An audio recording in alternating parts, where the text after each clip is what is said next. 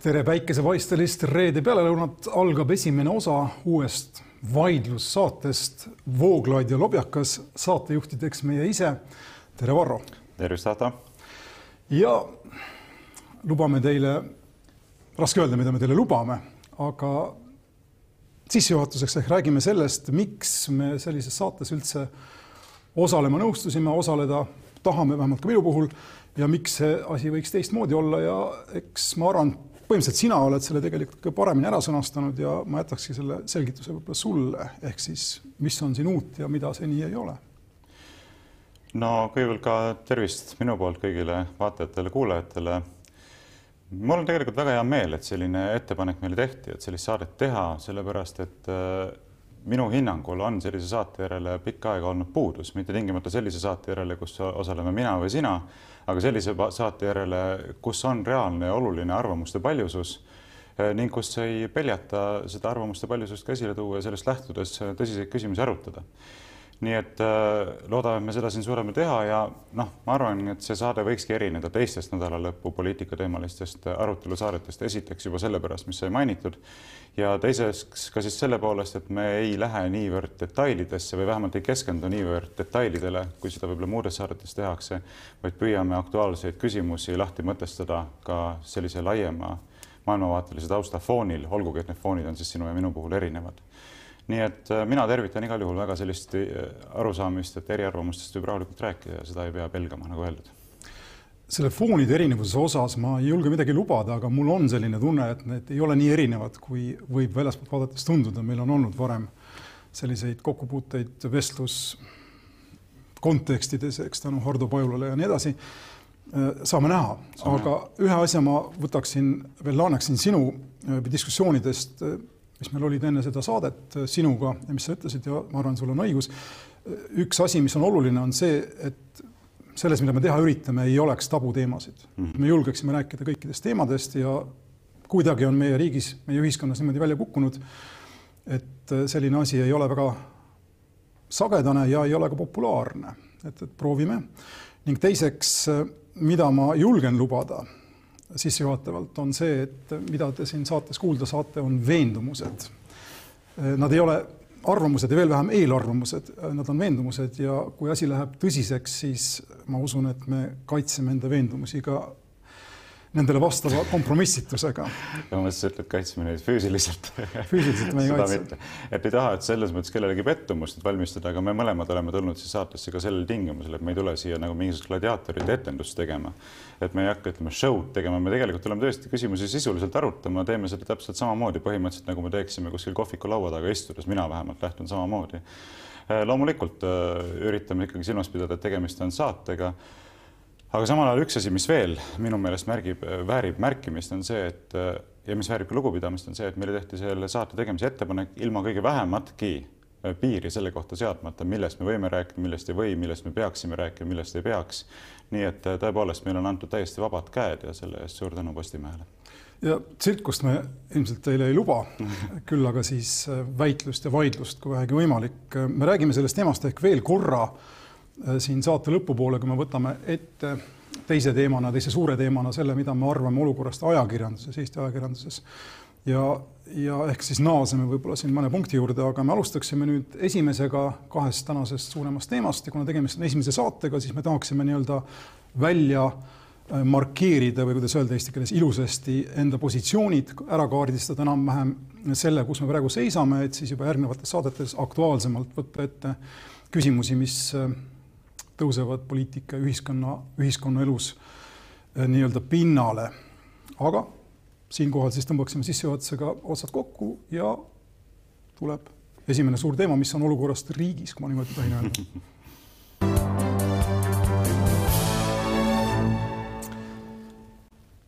ja olukorrast riigist, olukorrast riigis rääkides peame ilmselt siis, et kõik oleks nii nagu peab, tagasi minema eelmise aasta märtsikuuni mil toimusid valimised ning äh, siis hetkeni, mil teatud mõttes meie riigis kõik muutus ja samas ka võib-olla nii väga palju ei muutunud mu enda arvamus üha enam tagasivaateliselt on, et me oleme tunnistajaks järgmisele faasile selles samas loos võib kasutada sellist peent peent sõna siis narratiivis võib-olla, et otsest nagu murrangut ei ole toimunud, aga noh, minu arvates selgelt on see tendents selles loos nüüd halvemale. Sinu arvates võib-olla mitte, ma ütlen võib-olla paari sõnaga, miks ma arvan, et ta on halvemale, halvemas suunas. ma arvan, mul on nagu kolm peamist põhjust, neid tuleb ilmselt veel, aga ma lihtsalt loeksin ette.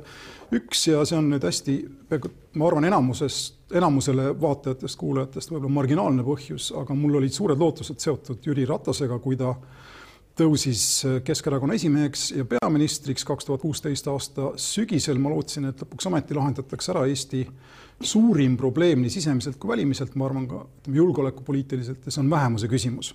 et kakskümmend viis ja enam aastat pärast taasiseseisvumist Eesti leiaks tee ühtsusele ja ma ei näe selles, ma ei näe muud teed sellele ühtsusele kui äh, Eesti venekeelse vähemuse osalu-, Eesti venekeelsele vähemusele äh, võrdväärse osaluse andmist siis eestikeelse enamusega. teine äh, seotud lootus oli muidugi või teine lootus oli mul seotud sellega, et see, mis me Reformierakonna ajal nägime, et see nüüd siis uuenenud Keskerakonna, Keskerakonna võib-olla ja just eriti veel mitte professionaliseerunud juhtimisel äh, nagu rullitaks tagasi, et poliitikasse naaseks ausus ja, ja, ja selline avatus ja, ja kõik muu selline. seda pole ka juhtunud ning kolmandaks, mis juhtus ja mille pärast ma olen eriti pahane selle valitsuse peale, on, on selline üldise poliitilise kultuuritaseme maruline allakiskumine, mis on aset leidnud minu arvates viimase üheteistkümne kuu jooksul, kui me räägime siin, sa räägid, oled rääkinud ka ja ma olen täitsa nõus vajadusest saadete järgi, kus räägitakse asjadest otse ja tabuteemadeta ja, ja ka noh, ütleme erinevatele, väga erinevatele maailmavaatelistele positsioonidele kõlapinna andmisest, siis nüüd on meil valitsus, kes äh, või kus on siis inimesed, kes esindavad paremäärmuslust viisil, noh, mida nad isegi ei võiks, milleks neile enam raadiosaated, ma ütleksin, ja, ja, ja siin on ka selliseid nüansirikkamaid muutusi. eile ma vaatasin valitsuse pressikonverentsil, hakkasid ministrid ajakirjanikele rääkima sellest, kuidas kajastada elu ja mida kajastada ja välisminister võttis ette ajalehe ja ütles, et see, see artikkel on hea ja see artikkel on halb no siin on nüüd õige palju lahtipakkimist. ma esiteks ütleksin ühe sellise võib-olla detailsema tähelepaneku, et minu arvates Eestis ei ole ühtegi äärmuslikku parteid. ei ole paremäärmuslikke, ei ole vasakäärmuslikke, ei ole mingisuguseid muid äärmuslikke et see äärmuslikkuse asi on tegelikult minu arvates paljuski lihtsalt üks selline silt, mida külge pannakse, mida ei pruugiks üldse panna. ma olen vaadanud siin ka Rahvusringhäälingu uudiseid, Aktuaalne kaamera ka osutab siin ikkagi paremäärmuslik näiteks äh, Lega Itaalias, eks ole, või siis äh, paremäärmuslik äh, AfD Saksamaal. mina aru, aru ei saa, et esiteks, milles see nii väga see parempoolsus seisneb, vaadates, kuidas nendel on väga suur ka selline ütleme pigem sotsialistlikule riigikäsitlusele omane sotsiaalprogramm platvormis, eks ole, teisest ka, milles see äärmuslikkus seisneb, sellepärast et nii nagu mina aru saan, äärmuslikkus seondub ikkagi sellise noh, ütleme, eks vägivalla kasutamisega, vägivalla soosimisega, sellele üleskutsumisega, no ütleme, vägivaldse riigikorra muutmisele suunatusega juba ütleme äärmuslikkus, aga, aga mina sellist asja ei näe.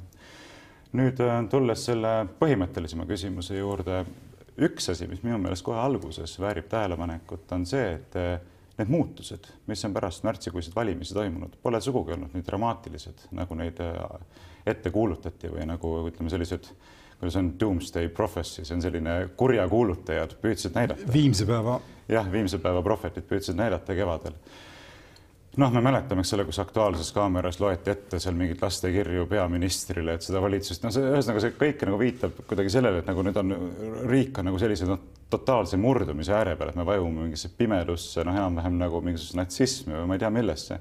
aga tegelikult ei ole ju mitte midagi sellist toimunud, nii et ma arvan, et siin on ka koht, kus tegelikult meedial oleks ka natukene vajalik endale tuhka pähe raputada ja tegelikult tunnistada, et pingutati üle sellega, kuidas kujutati neid potentsiaalseid suuri muudatusi, mis siis juhtuvad, kui selline valitsus moodustatakse. tegelikult ei ole midagi sellist juhtunud. ja mina leian, et suures plaanis üleüldse meie riigi korralduslikus poliitilises kliimas, kõiges selles mingisuguseid suuri ja tõsiseid muutusi toimunud ei ole. jah, loomulikult EKRE juhtpoliitikute selline retooriline, kuidas öelda retoorilised harjumused või retooriline joon on teistsugune, kui me oleme näinud viimastel aastatel, aga ma ei näe selles mitte midagi sellist, mis oleks kuidagi mingi katastroofilise murrangu kaasa toonud. jah, kust ma nüüd alustan, ma ise olen osa sellest meediast, mis äh, neid sündmusi suhteliselt valuliselt üle elas, küll mitte nii valuliselt, kui võis tunduda. mul no, oli... sul on hea võimalus näidata eeskuju tuha pähe raputamisega. jah, täpselt, aga ma ei, seda ma ei tahaks teha, ma, minu arvamus ei ole muutunud, ma sind kuulates ma nüüd mõtlen, kuidas ma saaksin sulle kohale viia selle, mis ma arvan, et on noh, vaieldamatult suures pildis mitte ainult küsitav, vaid ka äärmiselt taunitav EKRE juures ja ma ei mõtle siin isegi siin on inim, inimesi, kes on noh, genitledes või naljatamisi nimetanud tänast seda, mis siin toimub ja mitte ainult Eestis, vaid ka USA-s, vaadates Donald Trumpi ja vaadates Boris Johnsonit teatud mõttes ja nimetanud seda stultokraatiaks. no meil on teatud mõttes selle sihuke noorem vend, ma ütleksin asinokraatia, vabandust nende välissõnade vä, välisväljendite eest. sa pead vist kuulajatele neid tõlkima. asiniinne on see sõna, mida ma otsin ja see, selle, see on ladinakeelne, selle sõna ladinakeelne juur on, on sõnas eesel, eks meil on siin eesellikkust ja noh, selline kodumaine variant, eks sellest, mida teeb Donald Trump, aga see ei olegi nii hull, mul ei ole mitte midagi selle vastu, et aeg-ajalt minu pärast kogu aeg valitakse inimesed, kes ei ole kõige targemad ja kõige sõnaosavamad ja nii edasi kus on probleem ja siin ma olen sinuga täiesti nagu teisel pool rindejoont, on, on see üldine, mida ma üritasin selle sõnaga kultuur haarata ja see on, see on selline sõna, mis ütleb korraga kõike ja mitte midagi ja mul ei tule hetkel paremat ette. aga olukorras, kus me, kus meid juhivad inimesed, kes on avalikult või siis ka pooleavalikult, ma ei ole päris kindel, kumb on parem, äh, rassistlikud, ksenofoobsed, äh, vähemusi põlgavad ja vihkavad, ähm, vähemusi alandavad, vähemusi osatavad ma saan aru, et mitte midagi pole juhtunud, me jõuame ilmselt nende saate, saatesarja jooksul edasi ja tagasi selle juurde, et, et sina, ma juba ennustan ette, noh, sind veidi tundes, eks, et tegelikult ohvreid ju ei ole, aga lihtsalt ma ütlen selle peamise mõtte ära ja siis palun tule tagasi. see peamine mõte on see, et niimoodi me mitte ainult ei alaväärista ega pane halvasti tundma enda kaaskodanikke, no sellest saadakse üle, see on psühholoogiline seis, eks, aga niimoodi luuakse fooni kus teatavad väärtused, teatavad õigused ja nii edasi muutuvad üha rohkem küsitavateks ning isegi kui selle fooniga kusagile ei minda, minu pärast järgmised valimised toovad vali,, toovad võimule mõistliku valitsuse ja kõik nii-öelda nagu muutub, siis see foon muutumiseks võtab aega.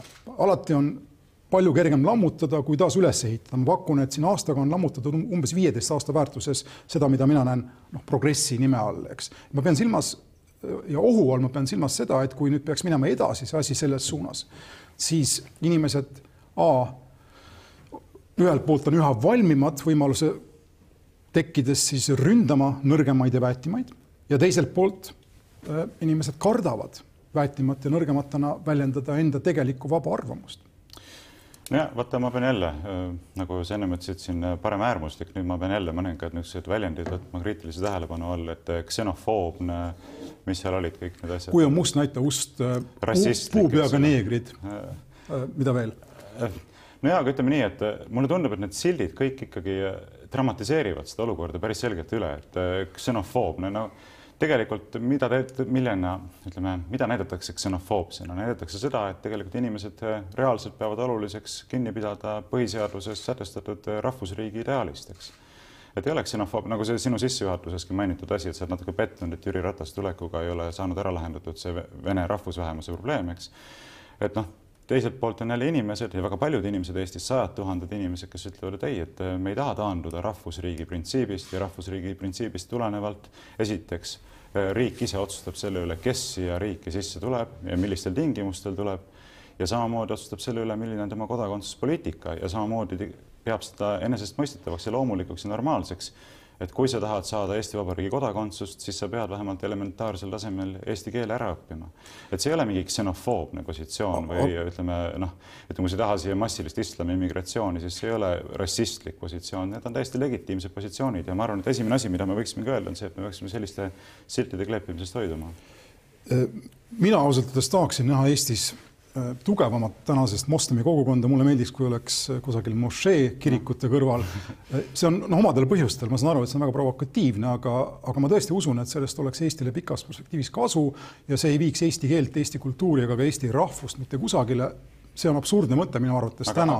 aga ma pistan vahele korra sulle, et ma arvan, et kasulik on ka kõigele sellele see, kui sina ei kirjelda neid, kes mõtlevad teisiti, ütleme ksenofoobide ja rassistidena, samamoodi need, kes mõtlevad teisiti, ei kirjelda sind näiteks mingisuguse, ma ei tea, liberasti või, või ma ei tea, millena, eks ole. ausalt tegelikult... öeldes see on nende enda asi, millena nemad mind kirjeldavad, aga inimesed, kes kasu-, kes põhimõtteliselt kas usuvad või vähemalt avalikus sfääris mingitel põhjustel, mis neile on kasulikud, kasutavad rassistlikku keelt või väljendeid, nende suhtes mul puudub igasugune mõistmine ja no ma ei taha siin, me võime siin nüüd lõputult rääkida nendest käemärkidest ja see asi läheb kaugemale ja see asi läheb tegelikult, no küsimus on selles, kuhu me tõmbame need piirid, sinu arvates neid piire pole vaja isegi tõmmata. mina ütleksin, et flirtimised kolmekümnendate aastate Saksamaa teemadega teadlikult, nad ei ole rumalad inimesed, eks suurem osa nendest, mõni on väga rumal, aga, aga kõik ei ole. seda tehakse mingi põhjusega ja seda tehakse ikka selleks, et see on nagu boksis on see keha, kehasse löök, et pehmendada vastast, eks. sa ei löö teda kuidagi sellega knock-out ega midagi temaga ei juhtu, aga ta lihtsalt pehmeneb. ja seda, seda tehakse selle mõttega ja noh, mina ennustan teile, et kui EKRE peaks pääsema ainuvõimule, siis äh, juhtub nagu juhtub moslemi ühiskondades, seal on selline printsiip olnud, et tehakse vabad valimised, igal inimesel on üks hääl ja üks kord, sest et järgmisi valimisi enam ei tule, eks no see on, me võime siin vaielda, aga kuhu ma nüüd tahan jõuda meie konkreetsema debati nagu kontekstis on, ma tahan ühe olulise eritluse tuua sisse, nagu ma ütlesin, tegelikult ma olen nõus sellega, et Eestis ei ole oluliselt midagi muutunud, et see triiv on olnud pikaaegne teatud suunas, eks. ja kui me räägime rahvusriigist ja Eesti rahvuse säilimisest ja muust sarnasest, siis andke andeks, Reformierakond oli see erakond, kes pärast aastat kaks tuhat seitse kasutas Venemaad ja venelasi väga jõhkralt ja suurelt ja oluliselt ja ulatuslikult selleks, et, et nendele vastandades siis Eesti rahvuslust üles peksta, eks meil ei olnud valimisi, valimisdebatti äh, kaks tuhat üksteist, kaks tuhat kuus, kaks tuhat viisteist, nii edasi, normaalselt sellepärast, et kaks nädalat või neli nädalat enne valimisi tuli Reformierakonna peaminister, ütles Venemaa ähvardab, eks kogu ülejäänud debatt kadus meil mm. ära ja selles mõttes pole midagi muutunud, aga ja see on minu jaoks, minu jaoks üks oluline koht Eestis, meie piiratud võimaluste piires. ennem aastat kaks tuhat üheksateist ja märts oli meil rahvuslus selline, kus sa võisid äh, nii-öelda liituda sellega võõr, võõra rahvuse esindajana, tulid, nagu sa ütlesid, õppisid eesti keele ära, sa olid Eesti rahvusliige. täna on meil olukord, kus ma ütleksin ja ma arvan, et mul on õigus, äh, meie rahvuses, meie rahvuses on veidi nagu juudi usk, kui niimoodi tohib öelda, sa pead siia sisse sündima või ma ei tea, missuguse kadalipu läbi tegema, et sind võetakse eestlasena. ja see on midagi, mis on väga pikk samm vales suunas noh, kui see on lubatud juhtidele, siis see peab olema lubatud ilmselt ka eestlastele no,. ma kartsin selle, ma kartsin sa ise tõid selle paralleeli, ma kasutasin sedasama siis ära. aga veel kord, ma ütlen seda, et sinu selline keskne narratiiv siin, mida sa esitad, on see, et EKRE-ga või EKRE taga hiilib mingisugune hiiglaslik suur oht, mis võib viia ühiskonnast suure katastroofini. ma arvan, et see narratiiv lihtsalt on ilma faktilise aluseta ja, ja selline tõenäosus noh, jällegi, mitte miski tegelikult minu meelest ei viita sellele, et see niimoodi oleks, sellepärast kui sa vaatad neid inimesi, sa vaatad neid programm, seda programmi, loomulikult nad on retoorikud, nad teevad suuri sõnu ja kasutavad, ütleme, selliseid retoorilisi vahendeid, mis pole Eesti poliitilises kultuuris tavapärased. aga põhimõtteliselt suures plaanis mitte midagi hullu ei ole juhtunud ja ma ka mitte kuidagi ei näe, et midagi hullu saaks juhtuda. Pigem mulle tundub, et just nimelt joonistatakse sellist kolli, nagu aastaid joonistati Edgar Savisaare juhitud Keskerakonnast noh, ma tegelikult arvan, et kui Edgar Savisaar oleks peaminister olnud koalitsioonivalitsuses samamoodi, mitte midagi hullu poleks tegelikult Eestis juhtunud, olgem ausad, noh, oleks teda mõned asjad teinud natuke teistmoodi, oleks teid noh, rakendatud teistsuguseid rõhuasetusi ja nii edasi.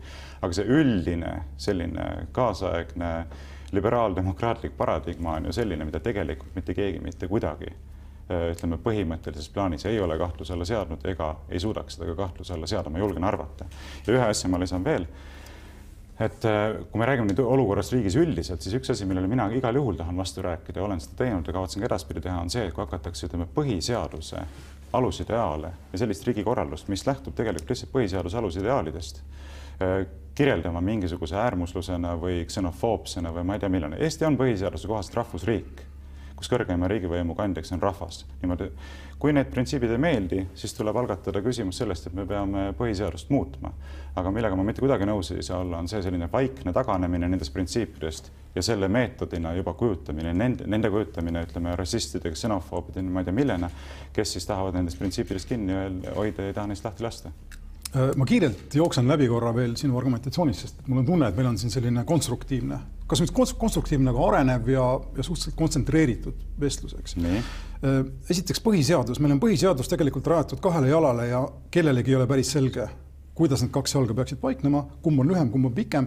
mina olen nõus mütsi ära sööma äh, juhul näiteks, kui keegi peaks viima äh, mingi rahvusliku diskriminatsiooni kaasuse Euroopa kohtutesse ja võit, ma olen ühesõnaga nõus, mütsi alla söömata võidab selle, sest et Eesti põhiseadus ütleb, et kõik kodanikud on võrdsed, sõltumata rahvusest muuhulgas. rahvus eristus on diskriminatsioon selle teise jala vaatepunktist, eks. see on keeruline küsimus, aga ma lihtsalt aga see on, markeerin selle ära. valguses, see ongi nüüd nagu vaidlusalune küsimus. ja aga okei okay,, ma, me oleme seda tegelikult teatud mõttes näinud, kui Eesti liitus selle kurikuulsa ESM mehhanismiga, kui me räägime siin Eurotsooni katsest aidata välja Kreeka sellest võlakriisist, siis oli see vaidlus ära ja siis räägiti asjadest nagu põhiseaduse alusväärtused.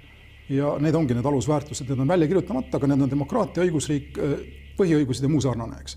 me võime siin vaielda, ma, ma, olen libedal jääl, ma tean, sa oled jurist, eks. sa, aga lihtsalt ma lihtsalt jooksen lühidalt läbi nüüd nendest teistest asjadest, kui sa räägid siin faktidest, mida noh, millele toetudes ma võiksin peaksin õigustama siis seda, mida ma arvan. aastal kolmkümmend kaks Saksamaal, millised faktid olid meil selle nagu osas, et Hitler oli teel võimule, tagantjärele tarkusega tundub praegu selleks ajaks oli selge, no ma ei tea, me võime vaielda, kas ta kolmkümmend kaks oli pööratav või mitte, aga igal juhul noh, faktid tulevad alati hiljem post factum, eks. Edgar Savisaare osas ma olen nõus, ma kunagi ise lubasin üheksakümnendate aastate alguses endale, et ma annan passi ära, kui Edgar Savisaarest saab siseminister, sai siseminister. ma olin õnneks eksiilis väljas, aga ja siis no, võib-olla üks... lubadus pole aegunud veel ta on, tema on aegunud, minu lubadus. aga see, kui sa ütled, et tegemist on ainult sõnadega see on veidikene selline allapoole vööd nüüd hoob sinu suunas, aga ütleme katoliiklasena, kui sa mõtled ajalooliselt tagasi, siis äh, kujuta ette, mis tähendas näiteks, ma ei tea, paar, paar sajandit tagasi öelda, et äh, sa usud või sa ei usu, et isa Jumal ja püha vaim, äh, vabandust, isa, poeg ja püha vaim on ühest substantsist või ei ole ühest substantsist, eks ka meil ainult sõnad, aga inimese, inimeste elud, miljonid inimesed tõenäoliselt siin seitsmeteistkümnendal sajandil. Äh, noh, no okei okay,, see oli juba reformatsioon, aga igal juhul sõnad on väga olulised, ma tahaks lihtsalt nagu vastu võita sellele ja kolmandaks või kuuendaks, äh, kui me räägime sellest, et mis, mis meil võib, võib juhtuma hakata ja fakte mul ei ole, et siin noh, midagi otseselt nagu, millele näidata, aga ma võin näidata Poolale ja Ungarile. Mis on Poolas ja Ungaris nii hullu juhtunud, ma ei üldse tea seda. Põhiseaduslikud printsiibid ehk siis mitte rahvusliku põhiseaduse printsiibid, vaid ütleme, euroopaliku konstitutsiooni printsiibid, mis näevad ette näiteks kohtute sõltumatust, näevad ette võimude lahusust, näevad ette põhiõigusi, muuhulgas siis ajakirjandusvabadust, nendest sõidetakse üle. Valitsejate poolt, kellel puudub äh, Ungaris eriti funktsioneeriv opositsioon, kusjuures alati muidugi sa võid öelda, et Ungaris umbes kuuskümmend protsenti rahvast ongi sellega rahul aga absoluutselt, et mina ikkagi lähtun sellest eeldusest, ennekõike tuleb riigi võimu teostada ja ehitada riigikorraldust üles lähtudes sellest, mida oma rahvas õigeks peab ja, ja soovib, mitte sellest, millised on mingisugused umbmäärased demokraatlikud euroopalikud väärtused või milline on mingi Euroopa Komisjoni ootus selle kohta, kuidas riiki peaks valitsema. aga luba, ma küsin vahele, kuhu sa tõmbaksid piiri, kas sa üldse tõmbaksid piiri? me võime siin teha vaarao riigi näiteks kui, kui sada protsenti, ütleme, kuuskümmend kuus protsenti on nõus no põhiseadus seab need piire, eks ole, mida me saame teha, see on meie enda poolt kehtestatud äh, selline riigikorralduse alusdokument, alusraamistik, mille, mille raames me opereerime, eks, ja kui me tahame seda raamistikku muuta, siis meil on selleks ka põhimõtteliselt õigus, alati võib võtta vastu uue põhiseaduse, eks.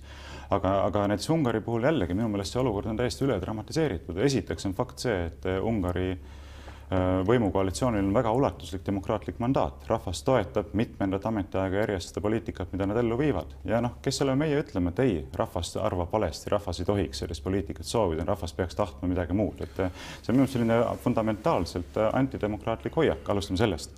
ja teiseks ka need viited näiteks kohtute sõltumatusele või sellele tuleks alati minu meelest asetada konteksti, kes Eestis riigikohtunikud ametisse määrab kes see on, kes teeb seda? riigikogu. just, no aga kus siis on kohtute sõltumatus, kõrgem kohus pannakse paika, eks ole, seadusandliku võimu poolt, et kas siin ei ole tegemist kohtute sõltumatuse probleemiga?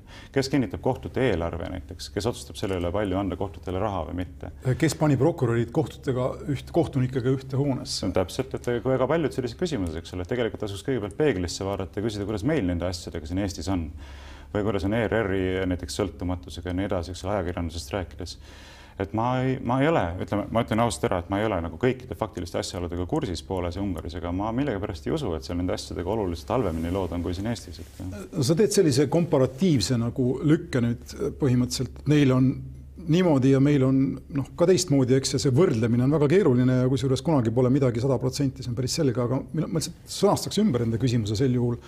kas sul on ideaalid, mis näiteks elaksid üle ka enamuse otsuse vahetada välja meil põhiseadus?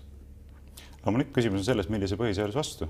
ma isegi hea meelega nii mõndagi aspekti. kuhu sina, ma küsingi siis, kuhu sa tõmbaksid piirid nüüd ütleme noh, selle soovi ees muuta meie põhiseadust, sest et praegu ta on euroopalik see on pikk küsimus ja me võime selle ühes saates no. pikemalt ette võtta, aga no näiteks ütleme nii, et äh, muuta põhiseadust sellisel viisil, et taastada rahvaalgatuse õigus, rahva õigus algatada referendumeid või eelnõusid parlamendis.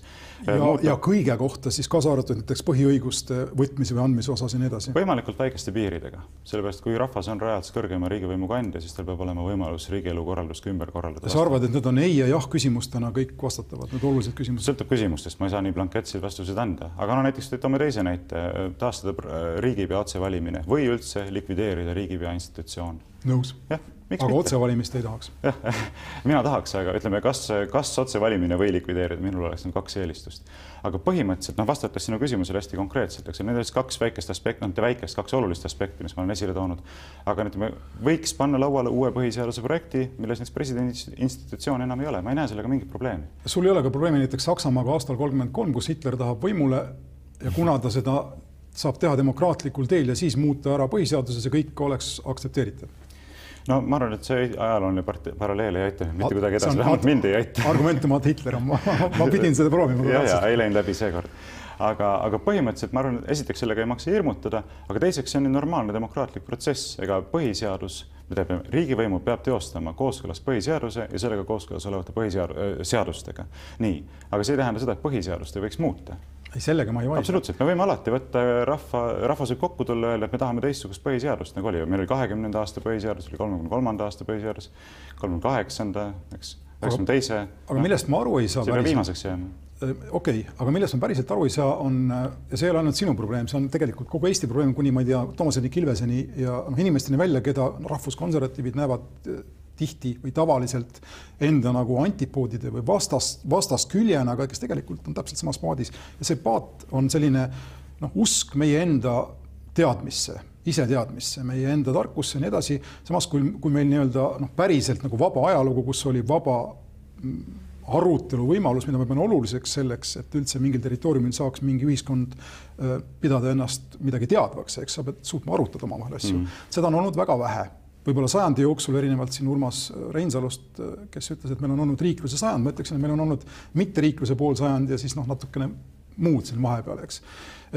probleem on mul siis selles, kui meil on praegu euroopalik põhiseadus, siis me sisuliselt laename, oleme laenanud kogu selle mõistestiku ja mõiste, mõistete omavahelise suhtestumise ja hierarhia väljast ta on põhimõtteliselt pärit Prantsusmaa ja Suurbritannia ja Saksamaa konstitutsioonilisest praktikast, tihti noh, ütleme ideaalsest, mitte praktilisest praktikas, Saksamaal on ka omad probleemid, eks, aga noh, Prantsusmaal ja mujal.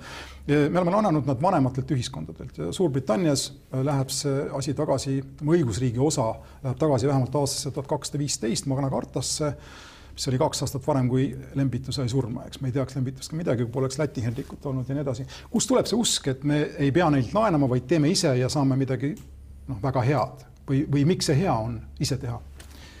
No esiteks meil peab olema usku sellesse, et me oleme ise suutelised äh, riiki valitsema ja ise välja mõtlema, kuidas seda kõige paremal viisil teha, sellepärast vastasel juhul me võiksime ju lihtsalt loobuda iseseisvusest, öelda, et keegi tuleks hakkama, hakkaks meid asehaldurina siin valitsema. aga miks mitte? me ei ole ise selleks suutelised, eks. aga no siis me peamegi seda küsimust hakkama otseselt arutama, et kas me tahame riigielu korraldada lähtudes iseseisvuse ideaalist või ei taha et see on tegelikult jällegi, mina ei ütle, et see tabu on, et me võiksime öelda, et ei, et Eesti pole ise, ise valitsemiseks võimeline, Eesti rahvas on niivõrd rumal, niivõrd äh, intellektuaalselt küündimatu, kultuuriliselt madalalt arenenud, et ei. ta ei ole ise valitsemiseks võimeline. oota, sorry, ma panen siia sulgudesse vahele, mina ei ütle, et ei, ma ei ütle, et sina seda ütlesid, ma ütleks, selline positsioon aga see, see implikatsioon ei ole ka see või see nii-öelda noh, järelm ei tohiks olla või seda järeldada ei tohiks minu jutust. mida ma üritan öelda, on see, et meil ei ole olnud aega, et läbi mängida võimalusi üles ehitada institutsioone ja see on ohtlik olukord, Saksamaal näiteks ei olnud seda aega ega võimalusi, juhtus Hitler. Ja ma saan aru, et noh, paljud sinu mõttekaaslastest, mitte sina tingimata, aga inimesed, kes on sinuga samas lahtris nii-öelda kirjutavad ka Facebooki, et aga jumal, mis Hitler siis valesti tegi, eks. ja see on minu jaoks oht. Ja mida ma üritan öelda, on see, et Eesti ise tehes ja ise mõeldes võib jõuda olukorda, kus pärast kahetseme põlvkond no. ja põlvkond ja põlvkondi. aga sa oled ju minuga nõus, et me ei saa niimoodi võtta, et me ei tohi iseseisvalt mõelda, me ei tohi iseseisvalt eksperimenteerida, sest muidu meil võib minna nii nagu Natsi-Saksamaa. ma ei ole nõus sinuga. et see on jube suur hüpe. ei nagu, ei, ei, ei, ei, ma, ma, ma räägin mingist Natsi-Saksamaa pisikesest eesellikust vennast loomulikult, mitte mingist rumalast uuest Pätsu diktatuurist, millestki sarnasest no,. aga rääkimata sellest, ütleme isegi euroopalike väärtuste raames või euroopalike printsiipide raames on tegelikult mänguruumi palju laiemalt, kui meil üritatakse mõista anda. Rootsi Inglismaa, Belgia, Taani, need on kõik kuningriigid.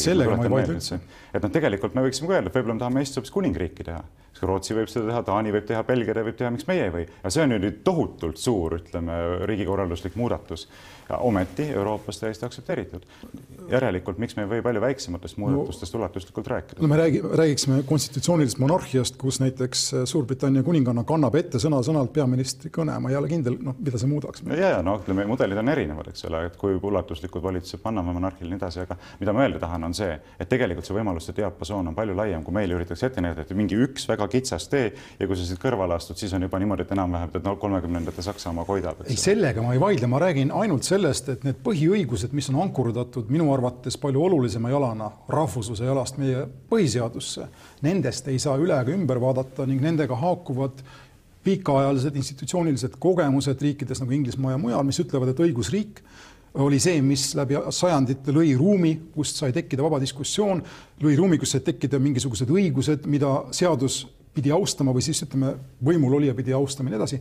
seda kõike ei ole võimalik ise, pole mõtet ise uuesti leiutada ja ka võimalik ise uuesti leiutada, see on minu mõte selles osas ma olen sinuga nõus, et põhiõigused peavad olema tagatud ja peavad jääma tagatuks, sõltumata sellest, kuidas me riigi elukorraldust ümber soovime muuta, nii et, et ühisosa on meil siin täitsa olemas.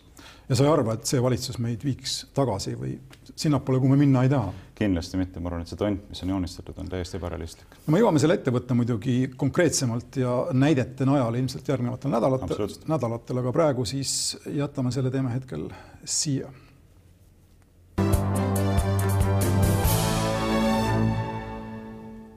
ja tuleme ringiga tagasi siis sinna, kust me alustasime ehk meedia juurde ja räägime paar sõna veel äh, teemal olukorrast ajakirjanduses. meil mõlemal on omad vaated, ma usun, ma loodan, sellised komplementsed või üksteist nagu täiendavad vaated. sina oled pannud püsti eduka ja iseseisva ka ma saan aru rahaliselt, kuigi sa ei taha rääkida seal teatud asjadest, eks.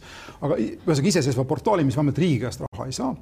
mina olen esindanud siin äh, muuhulgas äh, kultuslikku kultuslikku jutusaadet olukorrast riigis, mis äh, tuleb välja, on äh, päris kõvasti Riigikontrolli all teatud mõttes.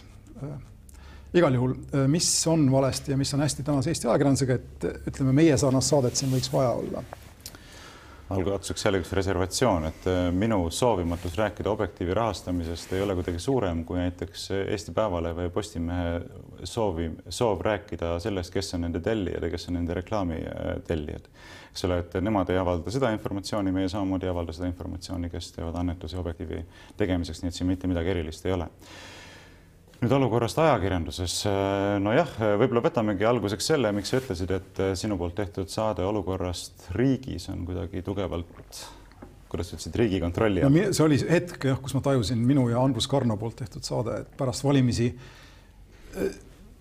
ütleme sinu poolt äh, igati heaks peatav, peetav EKRE kuidagi osutus väga mõjusaks struktuuridele, mis on, tundub mulle harjunud kuulama käsku.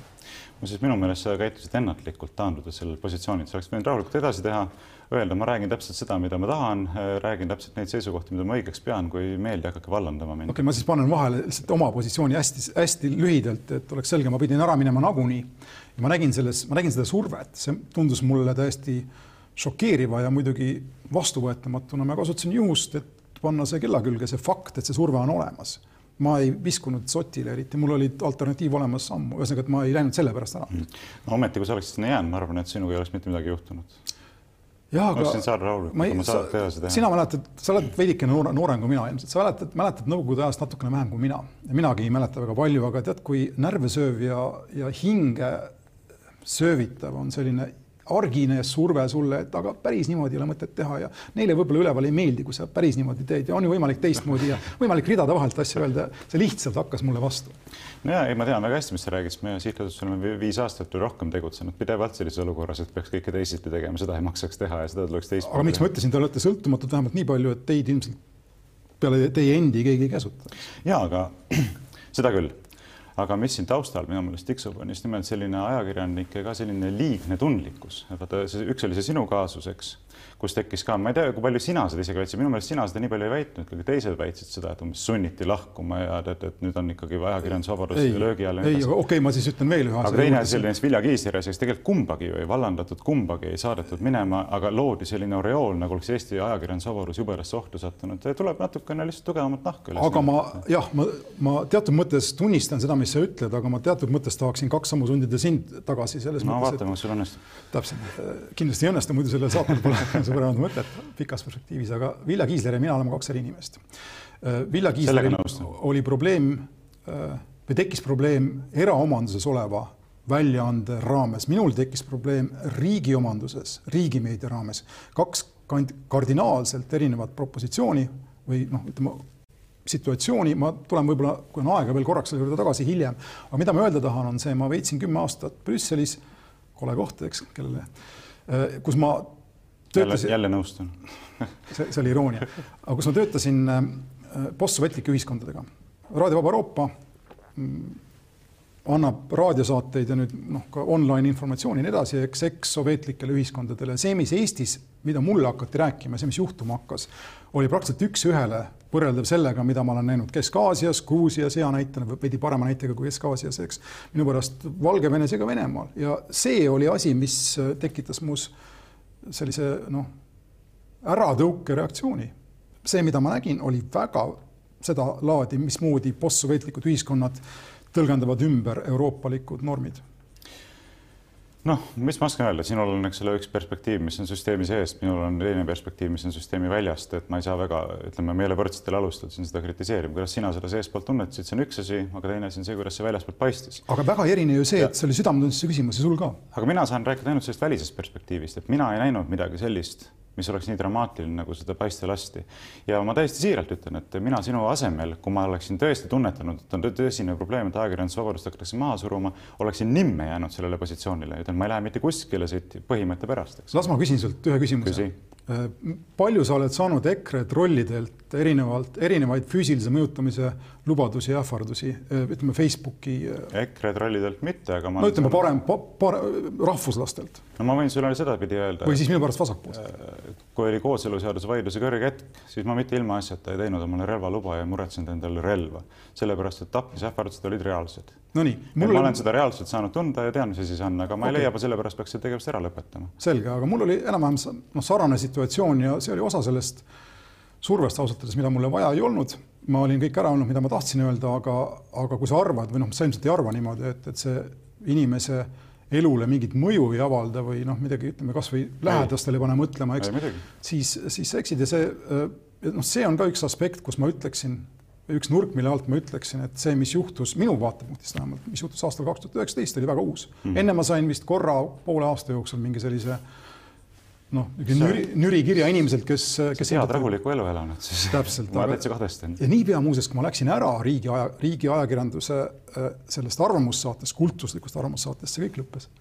see on, see on väga huvitav, ma võin, ma võin rääkida, mida ma tahan, aga mitte ERR-i äh, egiidi alt no üks asi, mida võib-olla tasuks siia vahele pista, on see, selles me ilmselt nõustume, on see, et tegelikult võiks esitada üleskutse nagu absoluutselt kõigile Eestis, et ärme nagu selliseid vahendeid kasuta. jumala eest. eks, et äh, ähvardamine, vägivallaga ähvardamine, rääkimata vägivalla kasutamisest ega ka üleüldse selline noh ütleme, arvamuskultuurile tuleks kõvasti kasuks, ma just täna kirjutasin Facebooki väikese kommentaari, et ma ei näe nagu mitte mingisugust põhjust, miks peab nagu näiteks nagu endale ebameeldivate poliitikute kohta mingeid inetusi kirjutama lihtsalt, et mingit argumenti ei ole, mitte mingeid fakte see välja ei too, olemasolevale infole see mitte midagi ei lisa, aga lihtsalt ütlen hästi nagu noh, jah, siin ei saa öelda, kuidas, eks ole, et eetris ei sobi neid väljendeid isegi kasutada, aga seda ei maksa teha tegelikult, et äh, ma arvan, et see võiks olla asi, mida me mõlemad nagu kutsume inimesi üles tegema, rääkimata siis sellest, mida sina siin ütled, eks ole, niisugused asjad, millega nagu noh, hakata inimesi ähvardama, et kui sa ei lahku oma positsioonilt ajakirjanduseni, see on minu meelest ka täiesti vale, selgelt ka. loomulikult, aga see, mida inimesed teevad, on instinktiivne, ta ei erine väga sellest, kuidas inimesed toetavad, ma ei tea, jalgpallimeeskondi või võtavad pooli poksimatšides või nii edasi. Ja millegipärast on poliitikat tehtud niimoodi, nii kaua kui meie noh, ajalugu mäletab, eks vanasse Roomasse ja kaugemale tagasi minnes ja me, ma ei usu, et meil õnnestub seda muuta, aga see, mille eest mina tahaksin seista, on, on, et inimesi kaitseb seaduse jõud minu arvates muud varianti meil siin ei ole, ma olen sinuga nõus. ühesõnaga, mul on, mul on lihtsalt meeles Karnauga peetud vaidlused ja ma lihtsalt toon sisse ühe sellise paralleeli lühidalt, kui ma tohin. see on liikluskultuur meil ja väga paljud inimesed Eestis kipuvad, kipuvad leppima politseiga, kui politsei ütleb, et nemad ei saa midagi jõustada seni, kuni meil liikluskultuur ei parane. aga milleks üldse meile siis seadus, mis on selle seaduse autoriteet, kui ma näen pidevalt kihutamas bussiradadelt möödas nendest autosid ja nii edasi, eks, kui ma seaduse silma üldse ei näe? Ja see võib tunduda paradoksaalsena, aga mina liberaalina tahan näha seaduse silma, ma tahan näha, et neid printsiipe, mis meie ühiskonna aluseks on, jõustatakse. Ja ma olen sinuga nõus, muutuma muidugi peab lõpuks kultuur, aga siin ma näen ühte nendest kohtadest, kus tuleb jõustada seda kõigepealt. nii, ja mis sa ette paned? vihakõne ma ausalt öeldes, vaata, meil on see, meil on seaduses kirjas, et kui ei ole reaalset ohtu, siis midagi pole juhtunud, see on absurdne. see on nonsenss, see mõjutab inimesi eri viisil, mind ta nii väga ei mõjuta, ma olen täitsa nõus rääkima sama juttu pidevalt, aga ma lihtsalt ei viitsi.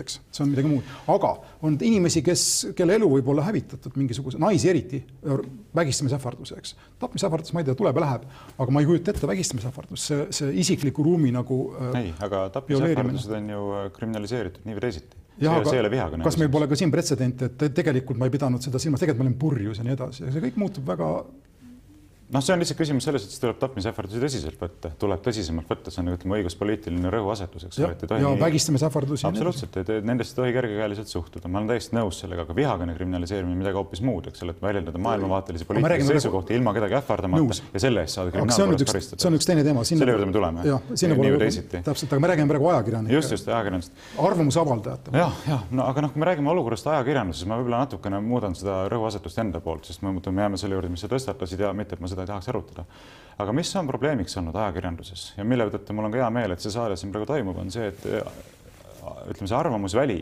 või see ideoloogiline kuidagi pale, mida me näeme nagu suurtest väljaannetest, on, on olnud väga üheülbaline. et sa loed ühte väljaannet või loed teist väljaannet või loed kolmandat, et ega nagu väga olulist maailmavaatelist erinevust ei ole. ja ma näen siin nagu probleemi kahtepidi, ühelt poolt ma ei näe seda, miks peaksid eraõiguslikud suured väljaanded teesklema, et nad on maailmavaateliselt neutraalsed aga nad ei teesklegi, Postimehel on kirjas päismikus Eesti rahvuse ja see on liikumine, ja see on liikumine väga õiges suunas, väga heas suunas, sellepärast et maailmavaateline neutraalsus on müüt, see on noh, müüt on ilus sõna, tegelikult oleks ausam öelda vale. ei ole olemas sellist asja nagu maailmavaateline neutraalsus, et iga vaade maailmale on mingi partikulaarne vaade, iga vaatepunkt on partikulaarne, kellelgi meist ei ole universaalset. aga sellega mina pole kunagi vaielnud. Lääne kogemusega on praktiliselt ei ole riike, kus ei oleks ajalehed vanades ühiskondades platseerunud sellele poliitilisele skaalale, eks. sul on liberaalsed, sul on sotsialistlikud, sul on teisiti.